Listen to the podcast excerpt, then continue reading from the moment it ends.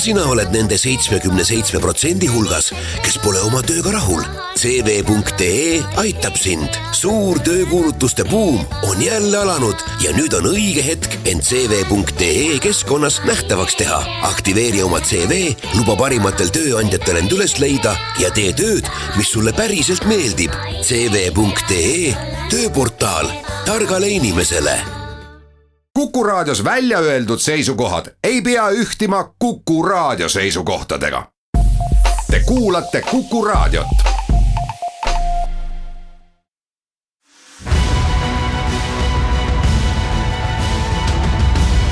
kaks ühes tere, head sõbrad, jälle on teisipäev ja jälle algab saade Kaks ühes, mida juhib ajakirjanik Vilja Kiisler aga mitte kunagi ei ole ma stuudios üksi, vaid alati olen ma endale appi palunud kaks inimest, kellega asju arutada. sest eks ole ju nõnda, et targemaks on võimalik saada ainult mõtteid vahetades. mõnikord muidugi võib-olla ka neid omaette heietades, aga see formaat, milles me teiega täna kohtume, usub sellesse, et arusaamine sünnib kõneluses saate esimeses osas räägin koos Inimõiguste Keskuse juhi Kari Käsperiga sellest, missugused demokraatiad iseenesest üldse on võimalikud. ja mis on kaalul siis, kui peaks liberaalne demokraatia, nagu me oleme sellega Eestis harjunud, käänduma millekski muuks. saate teises osas astub üles Vikerkaare peatoimetaja Märt Väljataga, kellega me arutleme ka aktuaalse poliitika üle aga sellises rahulikumas, mõtlevamas vormis, mis ma loodan, on teretulnud selles emotsionaalses keskkonnas, millesse poliitikast kõnelemine on tänase seisuga jõudnud. Kari Käsper, tere tulemast. tere praegu oleme jõudnud äh, koalitsiooni läbirääkimisi jälgides sellisesse kummalisse seisu, kus äh, alustasid need pooled omavahel kinnitusega, et NATO-st ja Euroopa Liidust me välja astuma ei hakka ironiseeritud on Twitteris näiteks, et kuidas siis oleks lugu näiteks pärisorjuse, naiste valimisõiguse ja turumajandusega. ma omalt poolt lisaksin iroonia korras, et tegelikult on ju kokku leppimata seegi, kas maakera on ikka ümmargune ja tiirleb ümber päikese. aga noh, see on niisama iroonia. selles kontekstis on ju laual olnud teatavas mõttes juba ka inimõigused, mitte küll läbirääkimiste käigus aga mäletatavasti eelmise aasta lõpus kaudselt inimõigused sattusid ka küsitavasse rolli, meenutades seda rändekriisi. ÜRO paberit, mis väga lühikeses kokkuvõttes ei öelnud ju tegelikult mitte midagi muud, kui et rändaja on inimene. ja me mäletame, missuguse tormi see tookord põhjustas Eesti poliitikas, see viis valitsuskriisini praegu ei ole inimõigusteni läbirääkijad veel jõudnud kuivõrd võiks olla tõenäoline, et inimõigused ka satub teatavasse küsitavasse rolli nagu alguses NATO ja Euroopa Liit, kuigi tänaseks on kinnitatud, et selle üle me läbi ei räägi no inimõigused kui selline, mul on väga hea meel muidugi, kui inimesed inimõigustest väga palju räägivad. tavalises kontekstis oleks ju selle üle äh, noh, ainult äh, rõõmu vaja tunda, et sinu see teema, millega ka sina tegeled, et sellest on nüüd ka ühiskond rohkem huvitunud aga paraku jah, äh, tänases kontekstis tõusetuvad inimõiguste arutelud üles mitte positiivses, vaid pigem nagu sellises negatiivses võtmes.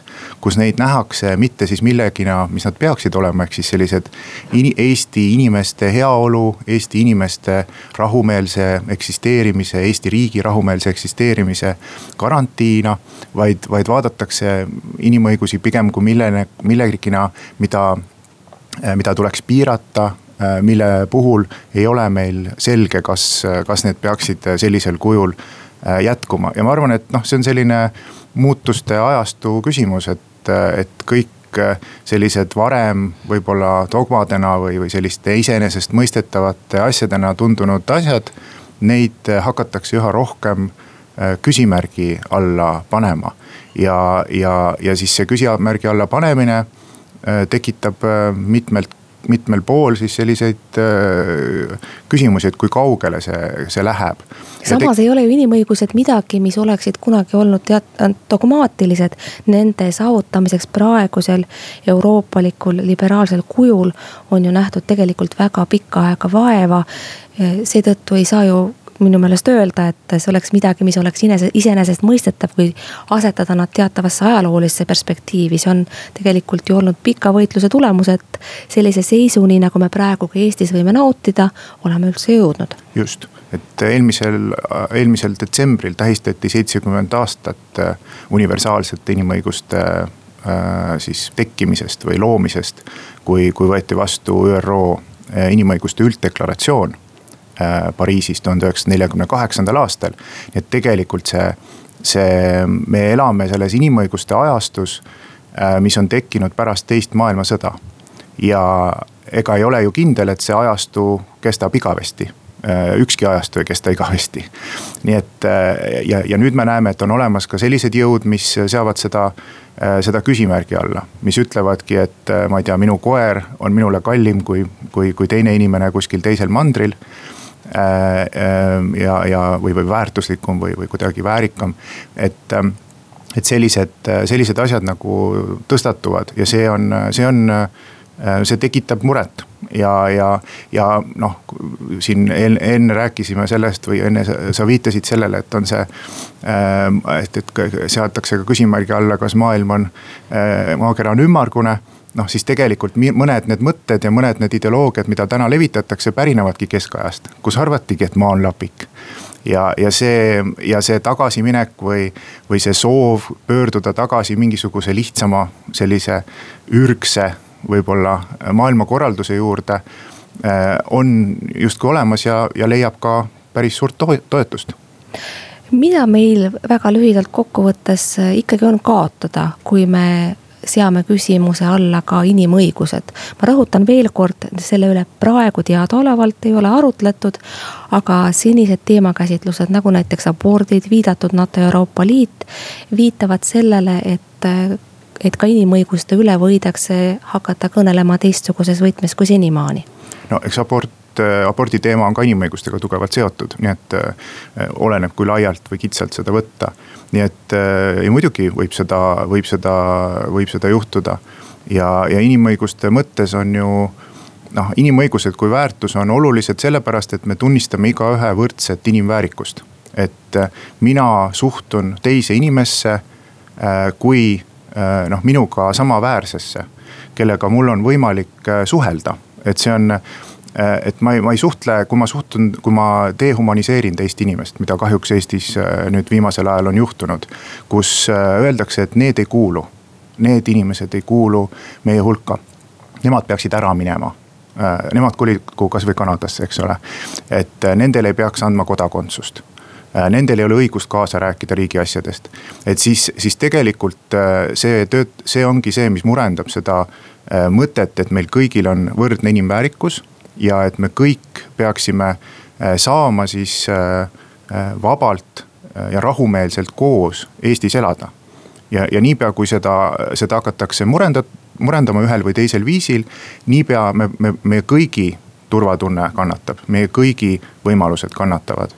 Et, et ei maksa mõelda, et, et nüüd, kui mina olen enamuse hulka kuuluv, et, et siis äh, minuga midagi ei juhtu, juhtub küll tõepoolest kõiki meid inimestena ühendab see, et me sünnime, elame ja sureme. see on midagi, mis on meile kõigile sarnane ja mida me ise muuta ei saa. teeme siinkohal väikese pausi ja mõtleme pärast seda järele demokraatiate olemuse üle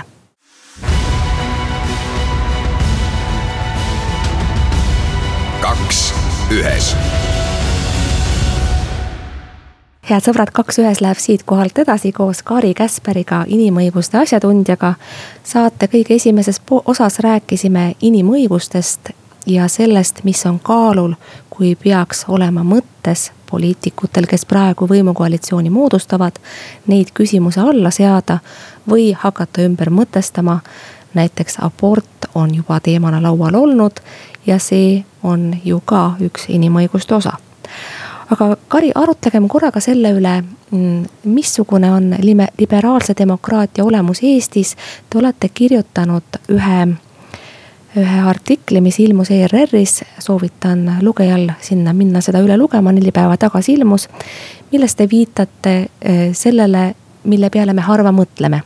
et liberaalne demokraatia iseenesest ei ole sugugi ainus riigivalitsemise viis ja isegi mitte ainus demokraatlik valitsemisvorm tõsi ta on, et demokraatiaid on ju erinevaid, alates sealt võib-olla demokraatia sünniajast, kui kõik tulid kokku kuhugile väljakule ja, ja seal hääletasid ja arutasid kõva häälega. kuni siis selleni, et on olemas otsedemokraatia, eks ole, et praegu ütleme siis internetiajastul äh, osa inimesi mõtleb, et, et võiksime kõik inimesed siis kuskil internetis õhtuti otsustada äh, elukorralduse üle ja hakata klikk, klikk, klikkides siis seda äh,, neid äh, enamusi moodustama, kes siis otsustavad, mida teha. on, on selliseid demokraatiad, mida nimetatakse siis deliberatiivseks või arutlevaks demokraatiaks, mille rõhk ei ole mitte siis valimistel või, või esindusdemokraatial vaid pigem sellel, et, et kaasata inimesi siis ka valimiste vahelisel ajal, mille noh, sellised ähm, arutleva demokraatia üks, üks näide oli näiteks rahvakogu. mis siis oli selline, selline moodustis, kus prooviti, prooviti teistsugust äh, demokraatlikku vormi. ja siis äh, noh, mis on sellise nagu negatiivse poole pealt, mis on nagu esile kerkimas, on need niinimetatud illiberaalsed demokraatiad.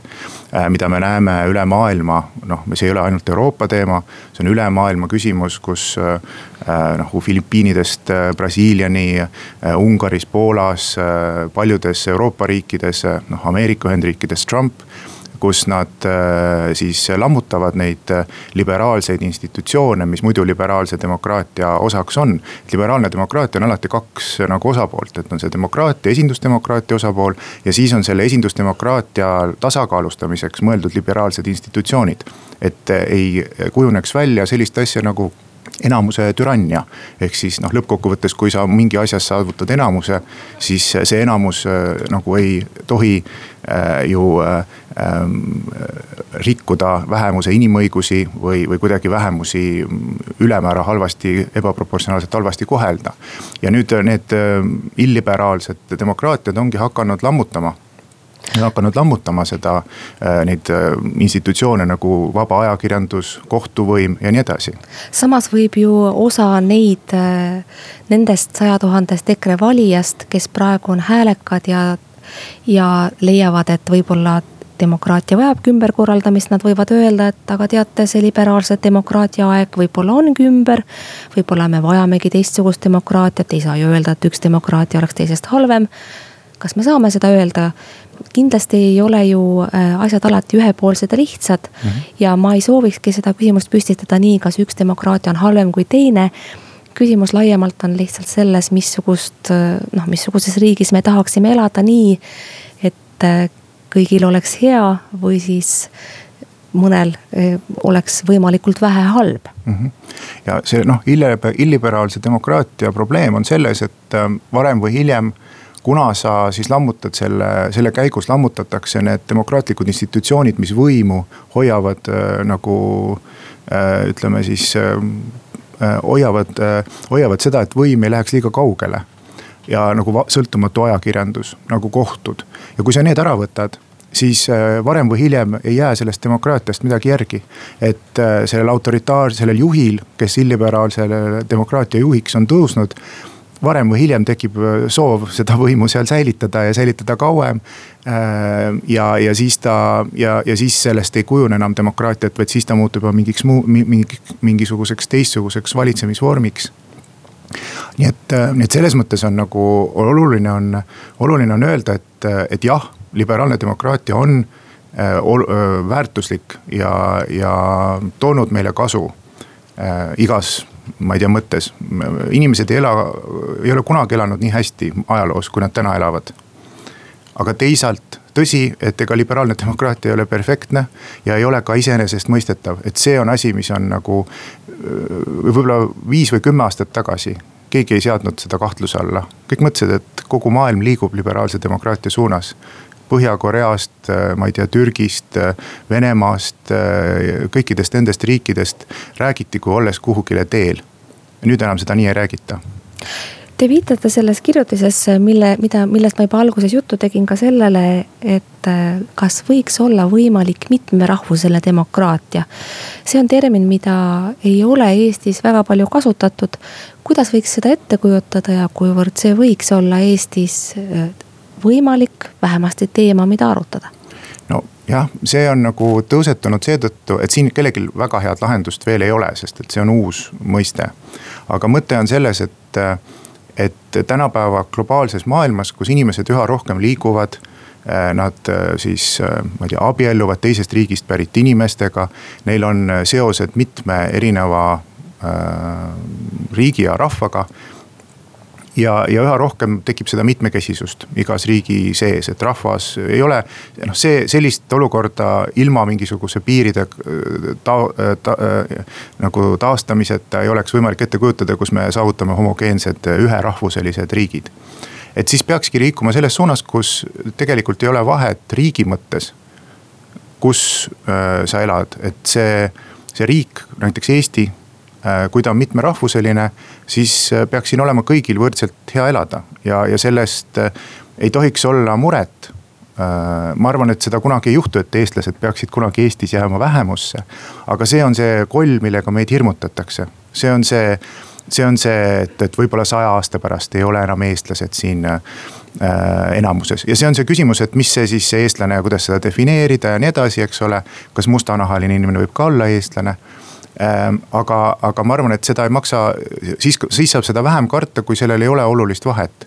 Äh, sinu õiguste, sinu võimaluste, sinu rahvuse säilimise mõttes tõepoolest, Eestis elavad ju praegugi väga mitmest rahvusest, mitme nahavärvi ja mitmesuguste emakeeltega inimesed. lõppude lõpuks võiksime me ju kõik elada riigis, kus kellelegi ei tehta liiga ja kellegi kohta ei öelda halvasti. head sõbrad, suur tänu Kari Käsperile, et te tulite, aitäh, et te kuulasite, jätkame saate teises pooles aktuaalse poliitikaga. aga siis natukene teisest vaatenurgast koos Märt Väljatagaga, Vikerkaare peatoimetajaga.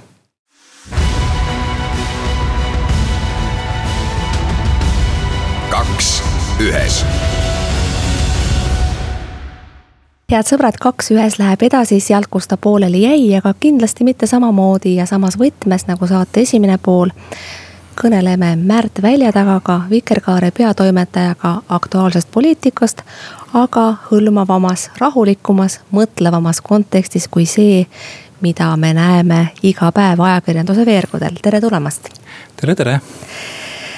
võiksime arutleda selle üle, missugune on Eesti tulevik väga lühidalt öeldes, sest see on see, mille üle mõtlevad kõik inimesed praegu ja üks viide, mis ähm, on sellest mõttekäigust käinud läbi ka laiemalt, on see, kuivõrd võiks Eestit võimaliku pöörde korral ohustada Ungari ja Poola saatus. sest äh, need kaks riiki on olnud need eeskujud, mida konservatiivsed erakonnad on tihtilugu välja toonud. jah, see on Ungari ja Poola on need riigid, millega mõnikord hirmutatakse ja, ja teinekord meie parem jõud toovad neid ka eeskujuks. et nad on läinud ise teed eh, muust sellisest Euroopa Liidu peavoolupoliitikast ja nad paistavad silma nagu selle poolest, et seal on tõesti üks jõud saanud parlamendis absoluutse enamuse ja siis teinud kõik selleks, et oma eh, võimu püsistada ja arvata võib, et see on tegelikult iga partei salaunistus, saada absoluutne võim ja siis hoolitseda selle eest, et seda mitte käest anda. aga nüüd eh, praegustes oludes on tõesti paremradikaalsetel jõududel eh, see asi õnnestunud, kuigi Poola ja Ungari on noh, nagu eh, suhteliselt eripalgelised juhtumid ka, et kui raske nüüd ütelda, et, et kumb see nagu Eestile lähemal on, et ma kujutan ette, et, et EKRE võimule tuleku korral, kui nad peaksid, nagu Mart Helme on ka selgelt välja öelnud, et tahab saada absoluutset enamust. et kui see tal peaks ka õnnestuma pärast edukalt valitsemist või, või, või opositsioonis toetuse juurde kogumist, et, et milline siis see Eh, Ungari variant võiks olla. et eh, Viktor Orban Ungaris on osutunud just selliseks väga eh, populaarseks eeskujuks parempopulistidele, ta nagu balansseerib sellise paremradikaalsuse ja, ja traditsioonilise konservatiivsuse piiri peal, nii et noh, konservatiivide fraktsioon Euroopa Europarlamendis ei oska ka temaga nagu midagi eriti peale hakata. et, et mõnikord tahetakse talle vastu näppe anda, teinekord siis jällegi tõmbutakse tagasi. aga aga, aga jah, et, et üks asi, mille, mille poolest tõenäoliselt, mida nagu Eestisse ei saa üle kanda, on see, et, et erinevalt Poolast, siis Ungari režiim on väga või noh, ikkagi suhteliselt jah, Vene-sõbralik või, või Orbani ja Putini suhted on, on olnud head. ja Eestis on seda nagu üsna keeruline läbi viia, et selliseid, eh, olla ühtlasi eh, paremradikaalne ja, ja sõlmida häid suhteid idanaabriga. kui me juba venelaste juurde jõudsime, siis oleme me tegelikult võrdlemisi kummalises olukorras praegu. liberaalsema ilma ja silmavaatega inimesed vaatavad Mihhail Kõlvarti ja Yana Toomi poole hoopis teistsuguse pilguga, kui nad on teinud seda varem. ja kui, kui me peaksime mõtlema praegu Eesti venelastest kui teatavast garantiist autoritaarse pöörde vastu, siis oleme me tegelikult ajaloolises situatsioonis, milles me varem pole olnud. Jah, noh, mina olen alati hea pilguga vaadanud eh, Mihhail Kõlvarti ja Yana Toomi peale, nii et selles mõttes mul ei ole mingisugust eh, suure pöörde tegemise vajadust olnud, aga, aga just nimelt see kaalutlus on olnud see, et et kui mõtelda, noh selle üle on ju pidanud ikkagi poliitikat jälgivad inimesed mõtlema, et, et kas Eestis võiks toimuda midagi sellist nagu Ungaris või Poolas. Ja siis on alati tulnud see vastuväide, et ei, ei saa, sest meil on olemas etnilised venelased või nagu ametlikult öeldakse, venekeelne elanikkond. Ja see lihtsalt ei, ei laseks saada sellistel paremradikaalidel piisavalt piisavalt, piisavalt suurt enamust. nüüd praegused need läbirääkimised näidavad, näitavad, et see see, see garantii ei tarvitse tingimata töötada, et, et Keskerakond, mis, mille toetus ju suurel määral ikkagi põhineb venelaste häältel, on nüüd otsustanud, eks ole. hakata läbi rääkima EKRE-ga, et, et huvitav, mis sealt välja tuleb, võib ennustada, et, et Keskerakond kaotab oma toetust venelaste seas. kui venelased sealt lahku löövad, siis neil tõenäoliselt ei õnnestu ka mingit eh, sellist tugevat poliitilist jõudu moodustada, mis pakuks nagu alternatiivi. nii et, et ühesõnaga see illusioon, mis vähemalt minul oli, et, et see vene, venelaste olemasolu Eesti poliitikas aitab nagu vaktsineerida Eestit sellise parema autoritaarse pöörde vastu on, on hakanud kokku kukkuma mida võiks see tähendada Keskerakonnale? Ikkagi see koalitsioon pikemas perspektiivis, juba on mitu korda ka viidatud, et kui Jüri Ratas tõepoolest saab peaministri koha, siis ta võib olla olukorras, kus ta jääb ilma oma erakonnast, lõhe teatav on tal juba praegu tekkinud ja me ju ei tea täpselt, missugused on vene häältega poliitikasse tulnud keskerakondlaste edasised plaanid. Mm. -hmm no selle, nende teemade üle on nii palju spekuleeritud, et raske on siin midagi uut lisada, et ma ka ennustan seda, et et kui eh, need Vene saadikud neelaksid praegu, praeguse koalitsiooni alla, siis eh, kaotaksid nad valijaid, aga mine tea, milline, millised pöörded võivad veel ees oodata. tähendab, eh, välistatud ju ei ole ka see ju, et et, et Eesti Viktor Orbaniks eh, ei pruugi saada üldsegi Mart Helme, vaid hoopis Jüri Ratas ise, kui tal eh, õnnestub eh, kuidagi mingi selline raudne distsipliin koalitsioonis maksma panna, aga kuidas jah, see, see, see praegune plaanitav valitsus venelaste poolt alla neelatakse, saab, saab näha, ennustada tõesti võib, et kõigepealt Eh, Vene saadikud ise eemalduvad eh, sellest eh, Keskerakonna juhtkonnast. teiseks Vene valijad, kes juba tegelikult valim-, valimas eriti aktiivselt ei käinud, eemalduvad Keskerakonnast. ja niimoodi Vene, venelaste hääled muutuvad veelgi marginaalsemaks Eesti poliitikas. Samas võiks ju ka EKRE mõelda selle peale, kuidas kõnetada vene valijaskonda, tegelikult nad teataval viisil on seda juba teinudki. ja äh, nii mõnigi uuring näitab, et äh, ka vene valijatest üks osa võiks EKRE-ga leida sellise noh, teatava ühise keele või mingites meelsusküsimustes tunnetada, et EKRE seisab ka nende eest no üks klišee ju on selline, et et venekeelne valija on suhteliselt noh, kuidas öeldakse, sotsiaalselt konservatiivsem, tähendab antifeministlikum ja homode vastasem. ja, ja see osa võib EKRE programmist või, või retoorikast neile küll peale minna ja, ja noh, nagu ma enne ütlesin, et, et kui näiteks Orbanil on head suhted Putiniga, siis noh, ei ole ju täiesti võimatu see, et, et et EKRE teeb siin mingisuguse pöörde samuti, sest noh, tegelikult on ju noh, nii nagu Euroopa paremradikaalide jaoks on Orban üks selline eeskuju, siis kaugem eeskuju on kindlasti Putin oma, oma eh, sellise valitsemisstiiliga, autoritaarse valitsemisstiiliga ja just nimelt eh, tema retoorikas on eh, kesksel kohal need konservatiivsed väärtused või Tomostroi pereväärtused. nii et see on nagu üks võimalus, kus venelaste hääli võiks olla küll võimalik ka, ka EKRE-le endale hankida teeme siinkohal väikese pausi, et minna sellesama teemaga edasi pärast ära kuulatud reklaame.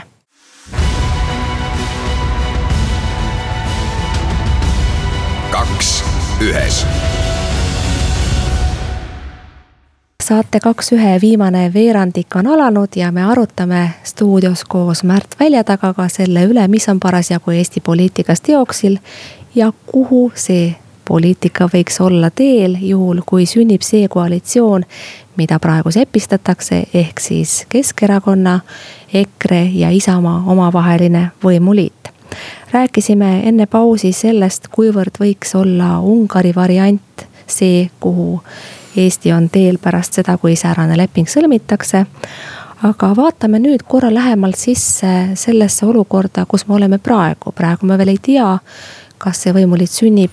samas on selline lõhestumine ja vastandumine ühiskonnas muutunud väga teravaks. ja ka paljud kultuuriinimesed, ettevõtjad ja muud sellise avarama ilma ja silmavaatega inimesed on näinud vajadust seda lõhet kuidagi tasandada. Ja on tulnud välja ka algatustega, mis peaksid meid ähm, kuidagi tegema ühtsemaks. samas on sellesse algatusse, mis levib sotsiaalmeedias sisse kirjutatud ka teatav kriitika Keskerakonna suhtes, kes EKRE ja Isamaaga praegu läbirääkimisi peab võiksime selles kontekstis ka mõelda selle üle, et miks me oleme sellesse olukorda üldse sattunud, kus vastandamine on nii terav ja valus. ja lepituse vajadus nii suur ja kõikehõlmav. Mis tähendaks iseenesest arusaamist, mida EKRE õieti tahab, sest nimelt tänu sellele erakonnale on see vastast, vastandumine ja lõhestumine nii teravaks muutunud, nagu ta praegu on. ja seda on ju raske ütelda, mida, mida EKRE päriselt tahab, et äh, üks asi on retoorika ja võitlus selliste noh, kaugete tontidega, millel nagu Eestis mingit reaalsust ei ole. immigratsioon on siiski ju suhteliselt äh, kauge ja, ja sugugi mitte käegakatsutav probleem äh, geide ja lesbide olukord on ka midagi sellist, mis puudutab suhteliselt väikest protsenti elanikkonnast. ja nende selline kaugem, suurem plaan või kuhu tahetakse välja jõuda, see on nagu otseselt lahti kirjutamata, et. et EKRE iseenesest on ju selline hästi lai telk, mis sündis, eks ole, kui korjati üles Rahvaliit, mille, kui Vilju, Villu Reiljan oli eh, poliitikast kõrvaldatud. ja see sisaldab, eh, eks ole, vanu kommuniste, kohaliku elu aktiviste, ka looduskaitsjaid, aga siis ka natse, parem, äärmusparempoolseid. noh, neid alt-right'iga või alternatiivse parempoolsusega seotud tegelasi, antisemitistlikke konspiratsiooniteoreetikuid ja nii edasi, nii et seal on, seal on kõike igasugu noh, igale maitsele. et eh, aga, aga mis oleks see jah, pikem plaan, et, et see, ma oleksin väga tänulik, kui, kui EKRE selle noh, ka kus, kuskil niimoodi eh, selgelt nagu lahti kirjutaks või seletaks, et. et vastandumine noh, paljudele sellistele asjadele, mis, mis meie ühiskonnas ja poliitikas on, et see nagu toimib tõesti opositsioonis olles, aga kui tahetakse võimul olla, siis, siis selline kaugem utoopia eh, oleks ju hea teada selle kohta, aga noh, tegu on ikkagi ju rahvusvahelise laine Eesti ilminguga. nii et noh, mingisugused noh, need see viha ja meelsus ja mis, mis EKRE kaudu avaldub või siis ka konstruktiivne tege-, tegevustung, et selle juured on kohapeal, aga, aga ikkagi eh, tegu on sellise internatsionaalse eh, liikumisega. noh, natukene paradoksaalne siis selline internatsionaalne natsionalism, et eh, aga, aga noh, siin tegelikult ju mingit paradoksi ei ole, et, et sarnased, sarnased suundumused on on ju näha Ameerikast ja mitmelt poolt Euroopast või noh, läänemaailmast üldisemalt ja ka läänemaailma äärealadest, et. et mis nende eh, põhjuseks on, et selline vana kooli liberaalne või, või marksistlik arusaamine ütleks, et see on lihtsalt see eh, majanduskriis, mis kahe tuhande kaheksandal aastal oli, et, et, et, et selle, sellest põhjustatud frustratsioon ja rahulolematus siis leiab eh, väljundeid nagu kõlblus- ja kultuurisfääris. et see tegelikult tundub mulle isiklikult üsna selline usutav, aga, ja, ja, ja see nagu on isegi selline optimistlik diagnoos, mis peaks nagu näitama, et, et majanduse raviga õnnestuks ka seda, seda, seda sellist eh, kommete ravi eh, korda saata, aga, aga võib-olla ka on ikkagi eh, tegu mingisuguse laiema pöördega, et üldse majandus enam inimeste nii väga korda ei lähe, vaid vaid see on jah, selline üldisem globaalsuse vastane trend, mis püüab klammerduda igasuguse kõige, kõige lokaalse ja kohaliku külge majandus iseenesest ei peaks ju probleem olema, sest Eesti majandusel läheb hästi. nii hästi ei ole me kunagi elanud, kui korrata seda iseenesest ju õiget tõsiasja. kuigi ta on ülearusest kordamisest võib-olla mõnevõrra ära kulunud. aga tõepoolest, majandus kasvab ja, ja ei ole ju keskmine palk olnud kunagi kõrge, nii kõrge nagu praegu, samamoodi mitte elatustase tõsi on muidugi see, et see rikkus, mida on loodud, see ei ole jõudnud kõikideni. aga arvatavasti sellist ähm, Eestit ei suudetagi ehitada, kus kõigi vahel majanduslik heaolu ühtlaselt jaguneb. jah, see on tõsi, et, et praegune majandusseis ju ei tarvitseks äh, mingisuguseid selliseid protestiliikumisi üles aidata, et, et kui äh, olukorda kuidagi majanduslikult tõlgendada, siis peaks selle juured lihtsalt viima sellesse kriisišokki ja, ja, ja, ja tõlgendama asja nii nagu, nagu tollal tol-, tollased probleemid leiaksid praegu oma, oma, oma väljundi. aga, aga see on jah, selline mm, vihje ka ühtlasi sellele, et kuna majandusel läheb hästi, siis ei, ei tarvitse tingimata sellel äh, loodaval koalitsioonil endal halvasti minna, nii et meid äh, võib tõesti ees oodata noh, selline pikem ja püsivam äh, parem pööre teatavas mõttes on ju selle EKRE esindatava suuna ja selle maailma äh, mõttekaaslaste maa arusaamiste taustaks ka eliidi vastasus. Eestis iseenesest sellist eliiti, millega noh mille vastu võideldakse võib-olla Lääne-Euroopas või, või Ameerikas. noh, mu meelest iseenesest ei ole. kuigi Trump on tõepoolest EKRE-le lähem eeskuju kui, kui nimetatud ajaloolised sakslased. aga kuidas sõnastada seda eliidi vastasust, mis tegelikult mu meelest kogu selle protsessi juurte juurde välja jõuab? ja tõsi ju on see, et, et ühest küljest siiski Eestis on see ebavõrdsuskoefitsient suhteliselt kõrge, aga, aga samas ajalooliselt võib ikka öelda, et Eesti ei ole klassiühiskond, et siin noh, sellist ühe protsendi vastast liikumist näiteks on väga raske tekitada. ja, ja noh, Eestis siin tegutsev kapital on ka peamiselt välispäritolu. nii et erinevalt näiteks Ameerikast, kus on võimalik Eh, sellist tugevat ebavõrdsuse vastast ja, ja, ja klassivihal põhinevat eh, vastasjõudu eh, tekitada, siis Eestis on see, oleks ilmselt üsna raske. et võib-olla seda eliidivastasust saaks tõlgendada ka lihtsalt teatava igavustunde väljendusena, et otsitakse mingisugust põnevust, kangelaslikke žeste, mingit poliitilist erutust.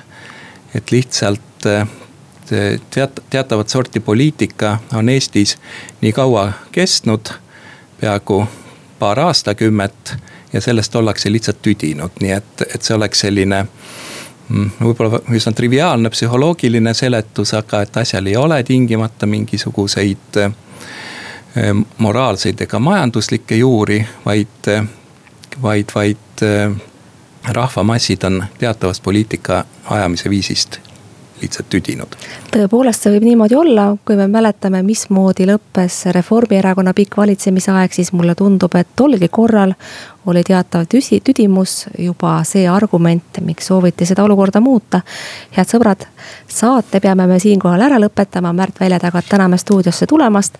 juhul, kui te ei kuulnud saate esimest poolt otse, siis olge nii armsad ja minge Kuku raadio arhiivi, siis saate teada, mida rääkis Kari Käsper saate esimeses pooles.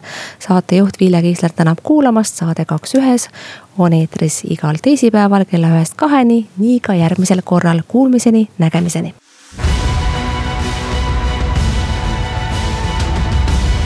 kaks ühes